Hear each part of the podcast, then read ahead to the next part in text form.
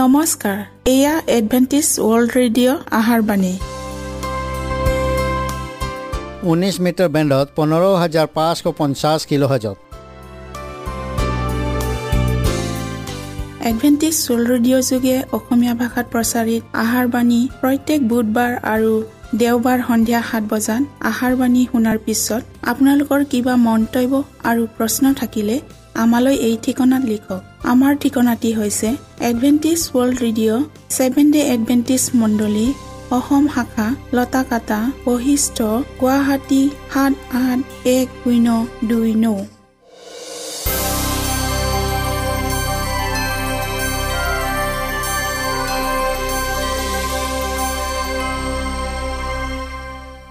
প্ৰিয় শ্ৰোতা বন্ধুসকল এতিয়া শুনো আহক এটি খ্ৰীষ্টীয় ধৰ্মীয় গীত।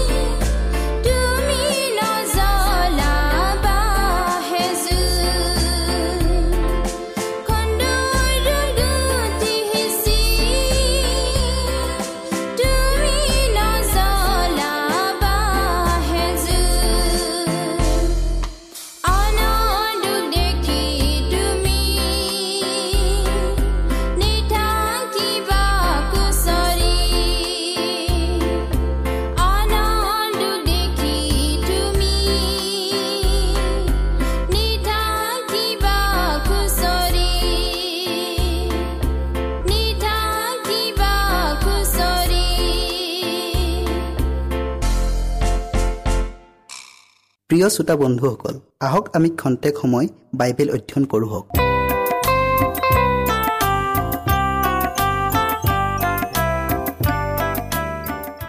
প্ৰিয় শ্ৰোতাসকল নমস্কাৰ। আজি আমি যোৱা অনুষ্ঠানৰ বাকী অংশ হেৰুৱা হৈও পোৱা হ'ল এই দৃষ্টান্তক অধ্যয়ন কৰোঁ হওক। শাস্ত্ৰপদ আমি লোৱা হৈছিল লোক পোন্ধৰ অধ্যায়ৰ এঘাৰৰ পৰা বত্ৰিছ পদলৈকে। আমি প্ৰাৰ্থনা কৰোঁ হওক।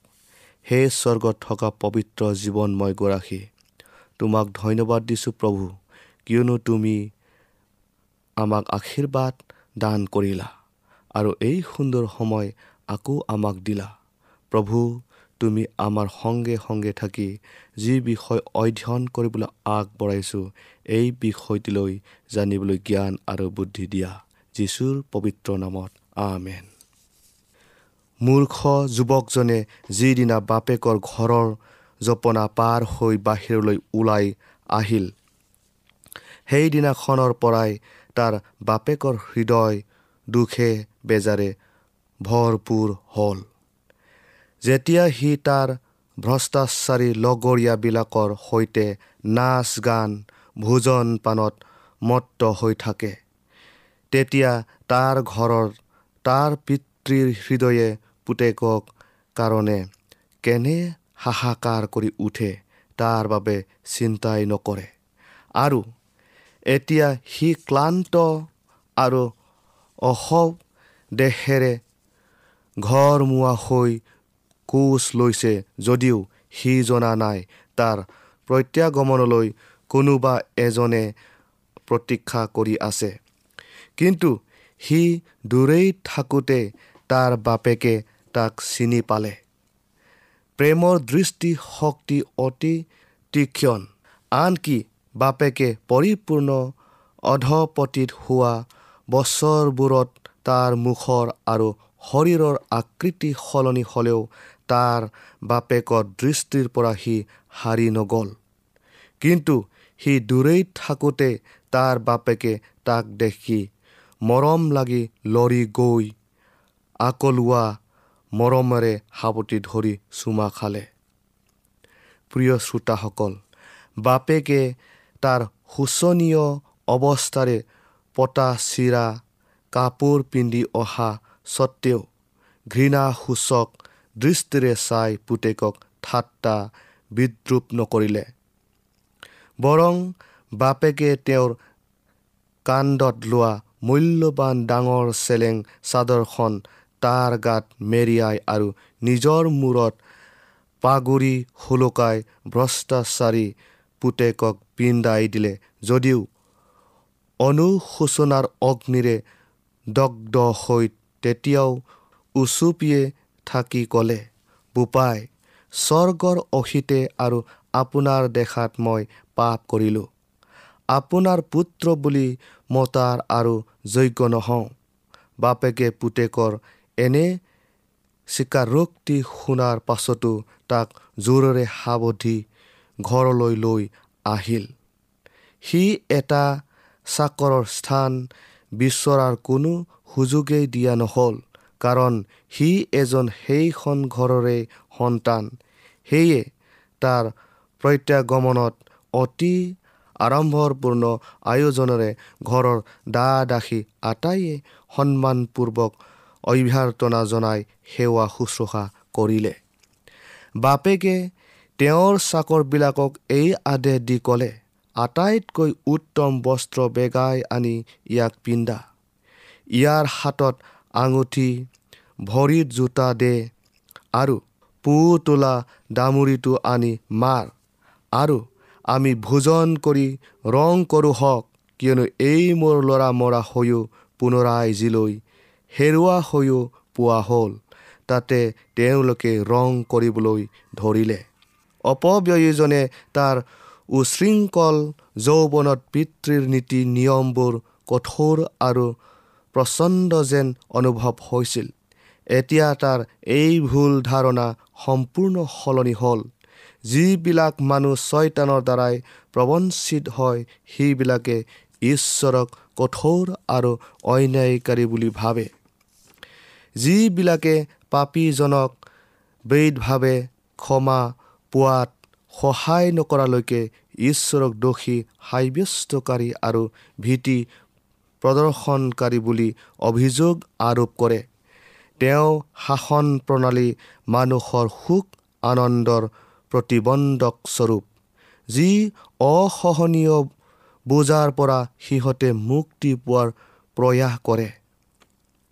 কিন্তু যিজনৰ চকু কৃষ্টৰ প্ৰেমৰ দ্বাৰাই মুকলি হৈছে তেওঁ ঈশ্বৰৰ মহা অনুগ্ৰহ আৰু দয়া প্ৰত্যক্ষ কৰিবলৈ পাব। তেওঁ অত্যাচাৰী আৰু নিষ্ঠুৰ ব্যক্তি নহয় কিন্তু অনুতাপকাৰী সন্তানক মৰমেৰে আঁকোৱালি লোৱা পিতৃহে। পাপীজনেও গীত ৰচকৰ সৈতে হৰ্ষ বিস্ময়েৰে ক'ব বাপেকে নিজ সন্তানক স্নেহ কৰাৰ দৰে যিহুৱাই তেওঁলৈ ভয় ৰাখোতাবিলাকক কৃপা কৰে। প্ৰিয় শ্ৰোতাসকল দৃষ্টান্তটোত অপব্যয়ীজনৰ কু আচৰণৰ প্ৰতি কোনো বিদ্ৰুপাত্মক আৰু ঠাট্টা মচ কৰা উল্লেখ নাই। ল'ৰাজনে এতিয়া অনুভৱ কৰিছে যে অতীতত যিবোৰ ঘটি গ'ল সেইবোৰ ক্ষমা কৰি পাহৰি যোৱা হ'ল আৰু সদাকালৰ নিমিত্তে মচি পেলোৱা হ'ল। আৰু সেয়ে ঈশ্বৰে পাপীজনক কৈছে মই তোমাৰ অপৰাধবোৰ মেঘৰ দৰে আৰু তোমাৰ পাপবোৰ ভাপৰ দৰে দূৰ কৰিলোঁ। মই তেওঁলোকৰ অপৰাধ ক্ষমা কৰিম আৰু তেওঁলোকৰ পাপ মই আৰু নুসুঁৱৰিম দুষ্ট লোকে তেওঁৰ পথ আৰু অধাৰ্মী লোকে তেওঁৰ কল্পনা ত্যাগ কৰক আৰু যিহোৱালৈ ওলটি আহক তাতে তেওঁ তাক কৃপা কৰিব আৰু আমাৰ ঈশ্বৰলৈ ঘূৰি আহক কিয়নো তেওঁ প্ৰচুৰ পৰিমাণে ক্ষমা কৰিব। জিহুৱাই কৈছে সেই দিনত আৰু সেই কালত ইজৰাইলৰ অপৰাধ বিচাৰ কৰা যাব। কিন্তু একো পোৱা নাযাব আৰু জিহুদাৰ পাপবোৰ বিচাৰ কৰা হ'ব। কিন্তু সেইবোৰ পোৱা নাযাব কিয়নো মই অৱশিষ্ট ৰখাবোৰক ক্ষমা কৰিম।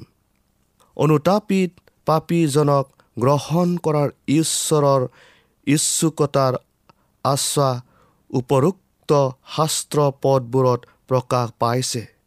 সেই পাতক আপুনিও আপোনাৰ সুবিধাৰ পদ বাছি লৈছেনে?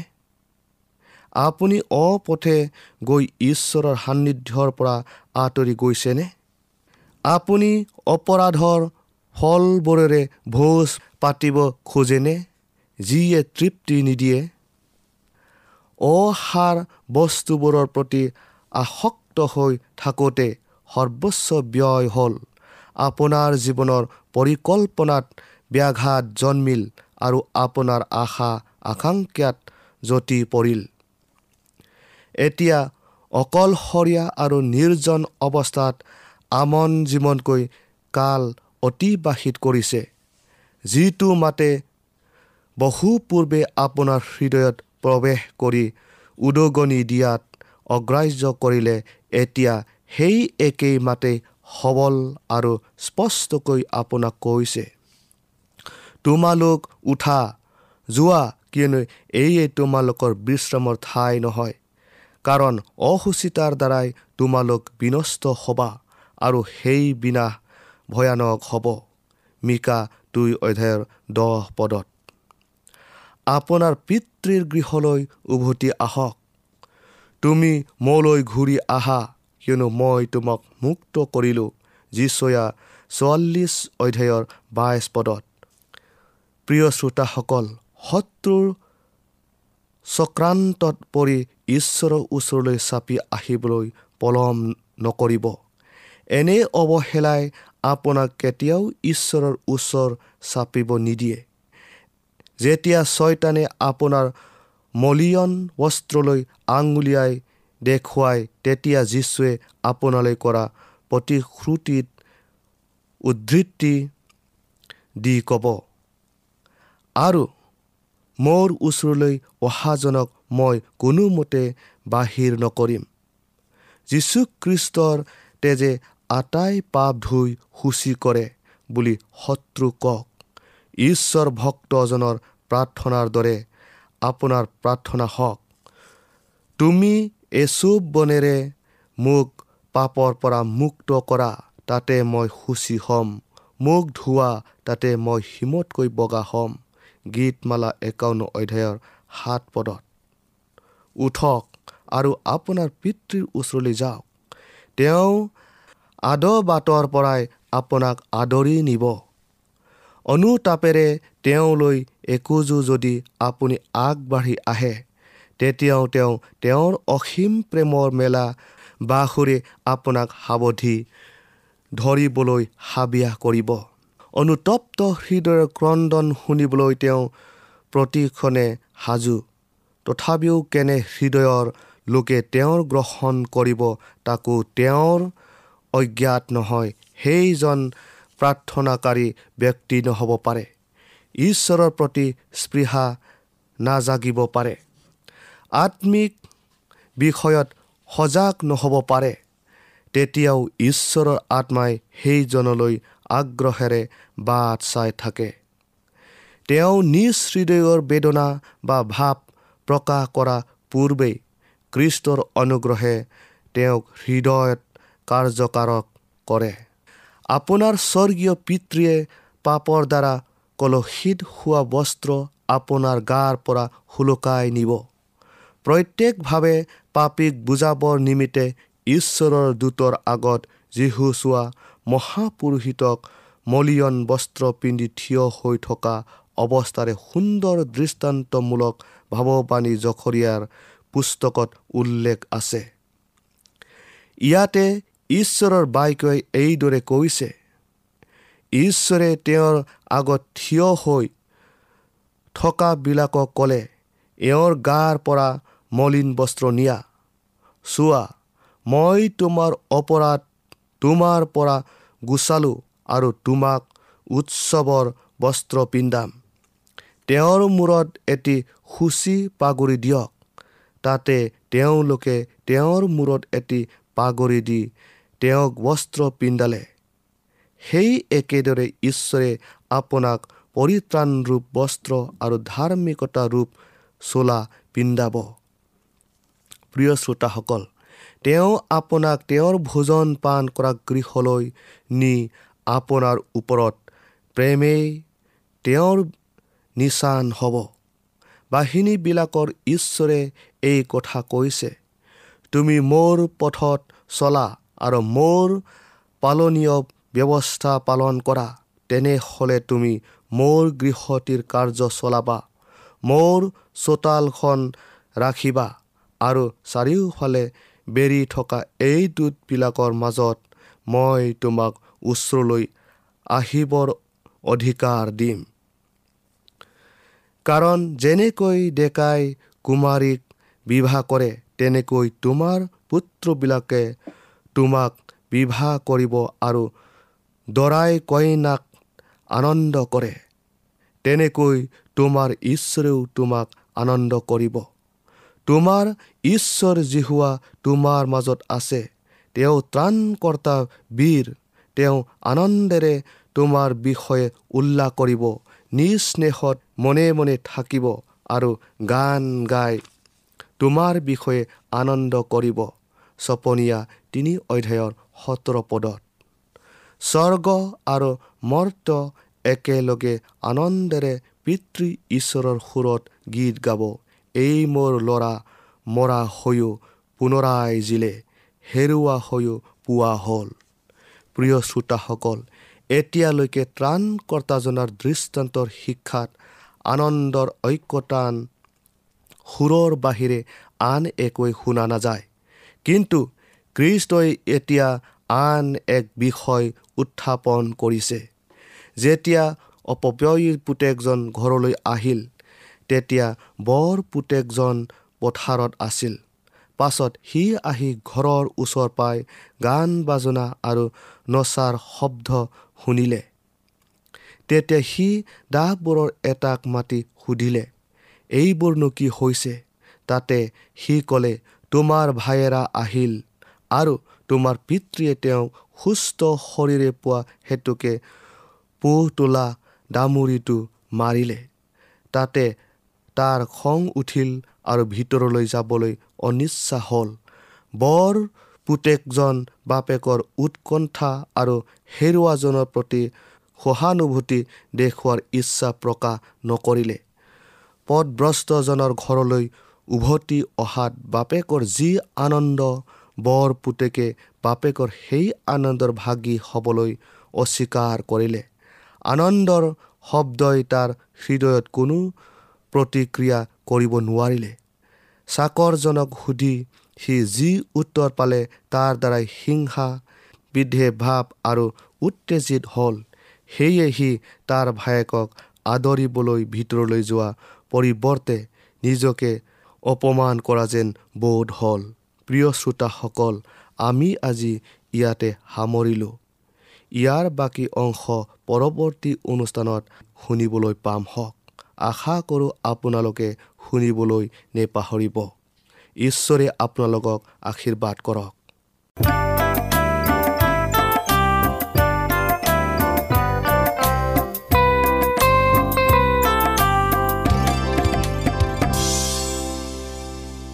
ইমানপৰে আমি বাইবেল অধ্যয়ন কৰিলোঁ এতিয়া আকৌ শুনো আহক এটি খ্ৰীষ্টীয় ধৰ্মীয় গীত।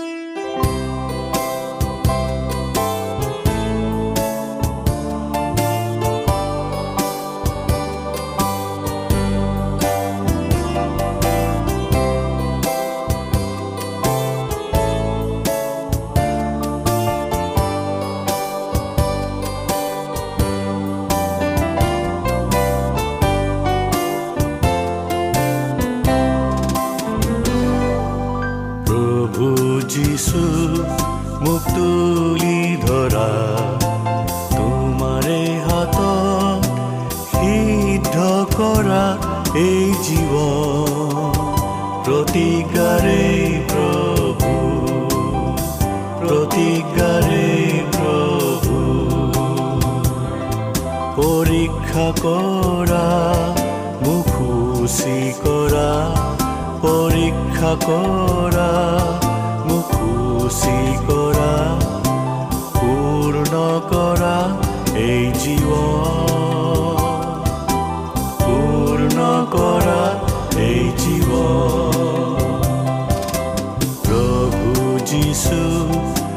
তুলি ধৰা। তোমাৰে হাতত সিদ্ধ কৰা এই জীৱন।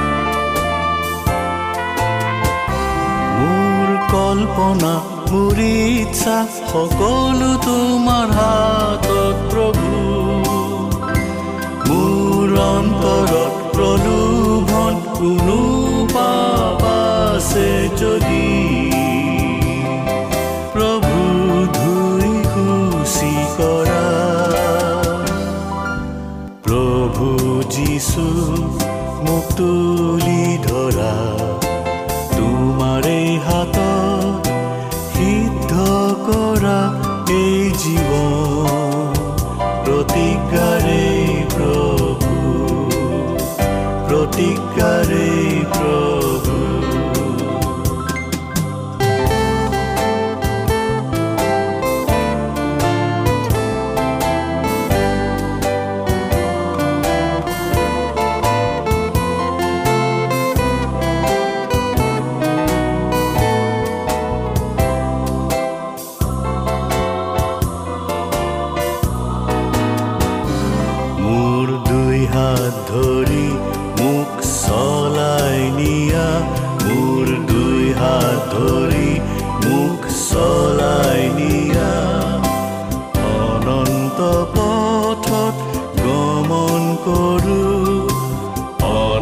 অনন্ত পথত গমন কৰো যথান্ত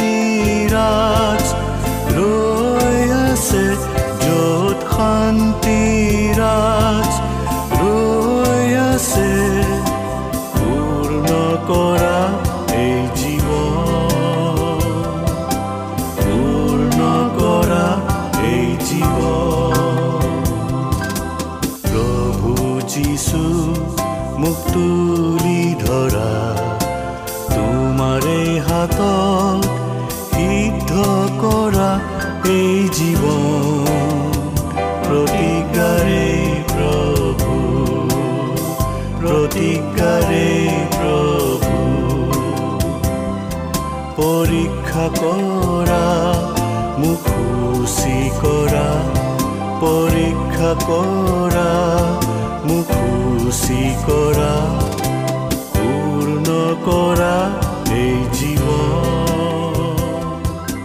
পূৰ্ণ কৰা এই জীৱন। মনত ৰাখিব আমাৰ ঠিকনাটি পুনৰ কৈ দিছোঁ। Adventist World Radio' Assam region of Seven Day Adventist Voice of Hope Latakata Basistha Guwahati seven eight one zero' two nine প্ৰিয় শ্ৰোতা বন্ধুসকল এডভেণ্টিজ ৱৰ্ল্ড ৰেডিঅ' যোগে আহাৰবাণী প্ৰচাৰত আপোনালোকক পুনৰ লগ পোৱাৰ আহাৰে আজিলৈ সামৰিলোঁ। ধন্যবাদ।